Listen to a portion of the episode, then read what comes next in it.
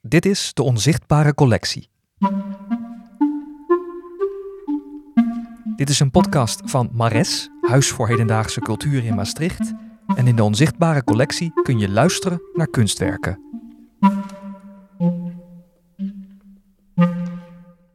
Ik ben aangekomen in een grote kamer met groene muren en ik merk dat ik door wel 30 paar ogen word bekeken. Soms kan kunst zo'n grote indruk op je maken dat die ervaring nog lang in je hoofd kan blijven ronddwalen. Eenmaal in de metro barsten de vragen los. Hebben we ooit een kunstwerk gezien dat leeft? Echt leeft? De onzichtbare collectie bestaat uit mensen die over zulke ervaringen vertellen. Wat zagen ze? Hoe groot was het? Wat stelde het voor? Waar dachten ze aan? Het was vreemd dat het bos stil was. Maar terwijl we liepen, wezen zij naar alle plaatsen waar zij geluiden van leven hoorden. Door naar zulke kunstverhalen te luisteren kun je zonder het kunstwerk te zien daar toch een beeld of gevoel bij krijgen. En is het bijna alsof je zelf voor dat kunstwerk staat. Misschien dat je daarna ook wel op die manier naar dat kunstwerk of naar andere kunstwerken kunt kijken.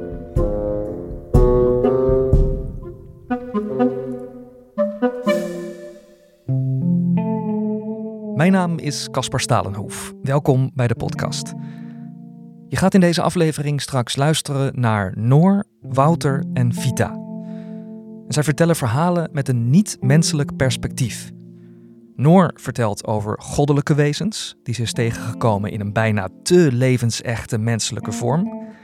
Wouter vertelt over een korenveld midden in een grote stad, waarin de mens ineens weer geconfronteerd werd met de natuur. En in Vita's verhaal zien we de mens vanuit het gezichtspunt van een dier. Als je nou straks denkt, zo'n perspectiefwisseling heb ik ook wel eens met kunst gehad, dan ben je van harte welkom om je verhaal daarover te delen in de onzichtbare collectie. Kijk voor de instructies in de show notes van je podcast-app of ga naar de website van Mares. Maar nu eerst Wouter. Hij is zelf kunstenaar en hij woont en werkt in Rotterdam.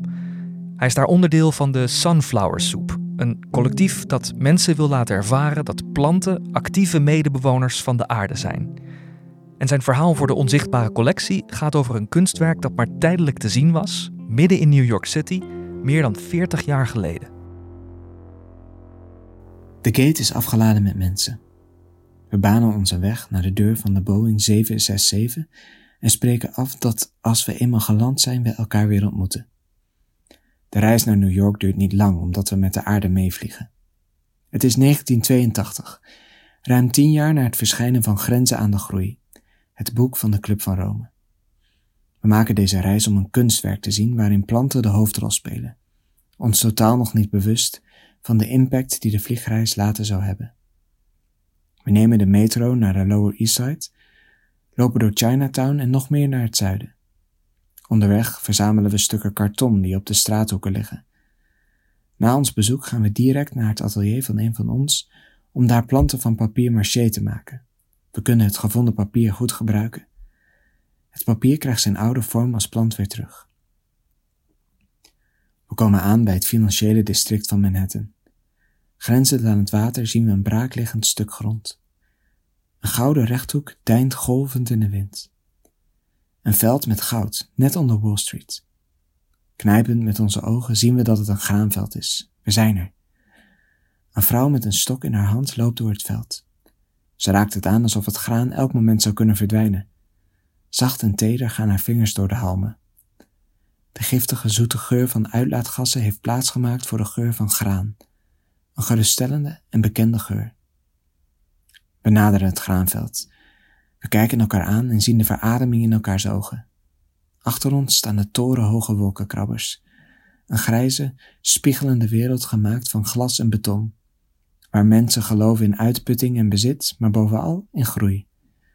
Sommigen hebben grote mobiele telefoons bij zich, een ander een pager. Iedereen heeft haast. We draaien ons om, staan in het veld en voelen nu het ruwe graan. Het contrast kan bijna niet groter. Het voelt alsof we nog nooit graan hebben gezien, wat natuurlijk absurd is. Hoe kan dit? De vrouw in het veld ziet onze verbazing en komt naar ons toegelopen. Ze heet Agnes Dennis. Ze vertelt dat ze dit veld heeft aangelegd en dat het een kunstwerk is. Het kostte een flinke tijd om met twee assistenten en een heleboel buurtbewoners het stuk grond te ontdoen van al het bouwafval. Na vier maanden was het veld klaar om gezaaid te worden. Ze vertelt dat het korenveld een symbool is. Het staat voor voedsel, energie, wereldhandel en economie. Maar eenmaal in de metro barsten de vragen los. Hebben we ooit een kunstwerk gezien dat leeft? Echt leeft? Het zal geoogst en opgegeten worden. Een kunstwerk dat niet als een herinnering in de hoofden van mensen achterblijft, maar dat daadwerkelijk in hun magen belandt. Kan je dit veld als een sculptuur zien? En waarom is het alleen maar graan, een monocultuur? Was dat een sterker beeld? We ervaren dit veld als natuur. Komt dat vooral door het contrast met de stad? Laat het nu juist de menselijke overheersing van de planten zien of brengt het mensen juist dichterbij planten? Een van ons haalt een graanhalm uit de jaszak. Ik heb een deel van het kunstwerk gestolen, zegt hij smalend. Ja, en dat kunstwerk waarover Wouter sprak heet Wheatfield A Confrontation. Gemaakt door Agnes Dennis. En het was in 1982 te zien in het zuidelijkste puntje van Manhattan, op een stuk grond dat toen 4,5 miljard dollar waard was. En met recht een confrontation, omdat het dus toen al, meer dan 40 jaar geleden, vragen opriep over de menselijke impact op het klimaat. Het volgende verhaal wordt verteld door Noor. Zij volgde de opleiding docent beeldende kunst en vormgeving in Maastricht. in haar verhaal verschijnt het bovenmenselijke in een wel heel erg menselijke vorm. Het speelt zich af in de Schat van Simpelveld, een klooster waar tot 2012 nog zusters woonden, maar sinds 2018 is het een museum. Onderweg naar het museum heb ik een aardige reis afgelegd. Ben namelijk vanuit Maastricht door het Limburgse heuvellandschap afgereisd naar Simpelveld. Het was niet zo lekker weer. Grijze lucht en af en toe viel zelfs natte sneeuw. Gelukkig is het in het museum lekker warm. Ik ben aangekomen in een grote kamer met groene muren en ik merk dat ik door wel dertig paar ogen word bekeken. Ik word bekeken door engelen, door koningen, door een ezel en door een os. Er is zelfs een zuster die mij vanuit het hoekje van de kamer aankijkt. Er staan namelijk allemaal beelden om me heen.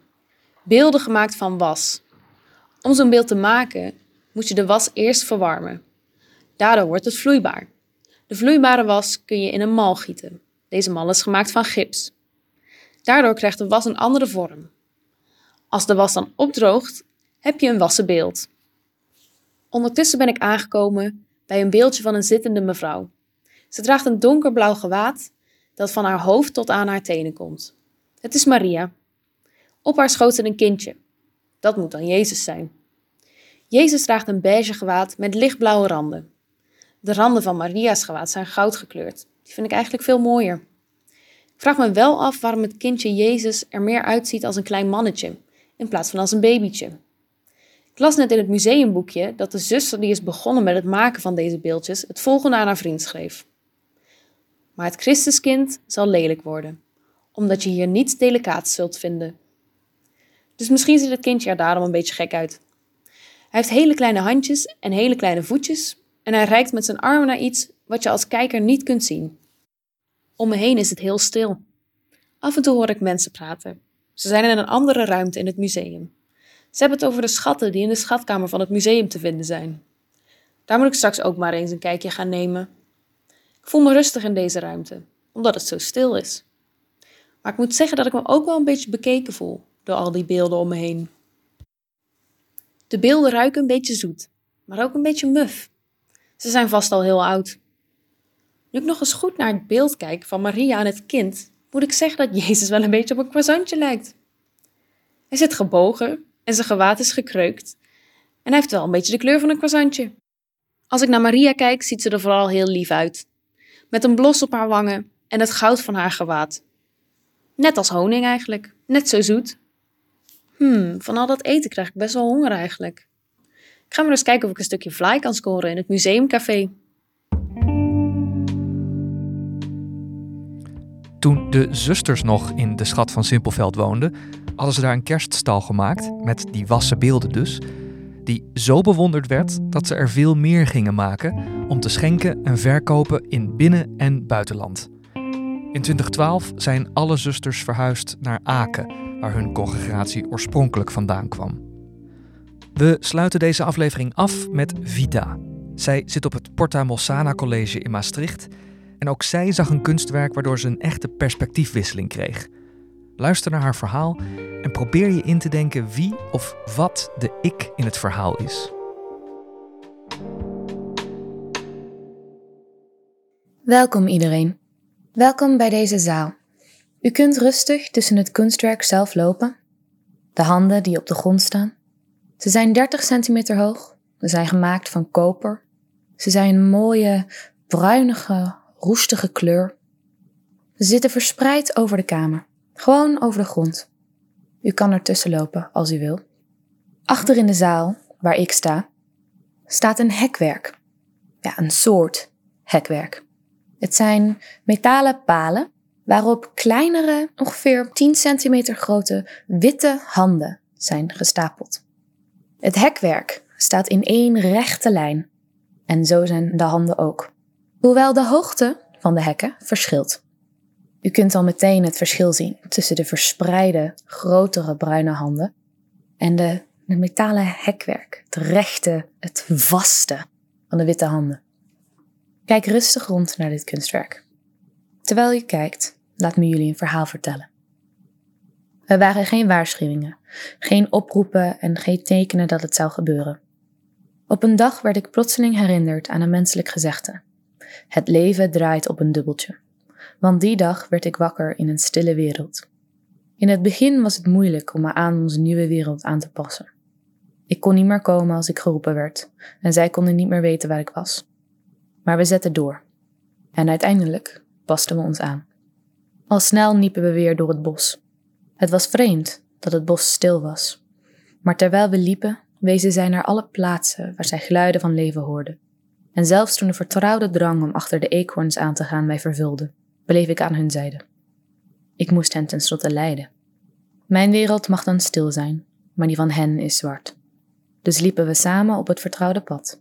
Ik zag voor hen en zij hoorden voor mij. Opnieuw zaten we bij de open haard. Zij op die oude, piepende stoel die me niet langer kon hinderen, en ik op het tapijt. En terwijl zij naar een boek luisterde, sliep ik vast. Uiteindelijk maakte zij me wakker, en ik leidde hen naar boven om te slapen. Zij op het bed, ik op het tapijt. En zo gingen de dagen voorbij. En toen dagen maanden werden en maanden een jaar, het evenwicht dat we zo zorgvuldig hadden opgebouwd, verbrijzelde langzaam. Dit verhaal is mijn interpretatie van dit kunstwerk. Het kunstwerk zelf is open voor interpretatie, terwijl de kunstenaar heeft het wel een mening gegeven. Maar vond het toch belangrijk dat het open was voor interpretatie, wat de reden is dat ik voor dit kunstwerk gekozen heb. Dat is ook heel belangrijk voor mij. De originele mening van het kunstwerk is de scheiding tussen de zwarte arme mensen in Kaapstad en de rijke witte mensen. De rijke witte mensen die achter het hekwerk zitten, die worden bewaakt door honden die ook achter het hekwerk zitten. Grijs met witte honden die het hekwerk bewaken. Hoewel er één gouden hond zit, helemaal in het hoekje van het hek, die voor het hek in plaats van erachter zit. Het is namelijk geschreven uit het perspectief van een hond. Een dove hond die zijn blind baasje door het leven moet leiden. Vita sprak over een kunstwerk van de Zuid-Afrikaanse kunstenaar Kemang Walulere, dat in 2021 te zien was in Mares. De titel ervan gaat ook over een plotseling veranderend perspectief. Where did the sky go? riep de jonge zoon van de kunstenaar toen ze samen in een trein zaten die plotseling een lange donkere tunnel inging. Dit is het einde van deze aflevering van de Onzichtbare Collectie in de podcastvorm. Je kunt zelf bladeren door de volledige Onzichtbare Collectie op de website van Mares. Voor de podcast maken we elke keer een keuze met verhalen die iets met elkaar gemeen hebben. Je kunt de podcast volgen via Apple Podcasts of Spotify, zodat je vanzelf ziet wanneer er een nieuwe aflevering is verschenen. De onzichtbare collectie wordt continu aangevuld met nieuwe verhalen over kunstwerken. Als je zelf ook een bijdrage wil leveren, kun je contact opnemen met Mares. Je vindt contactgegevens in de show notes van de podcast of op de website mares.org. Mijn naam is Caspar Stalenhoef. Tot de volgende aflevering van De Onzichtbare Collectie.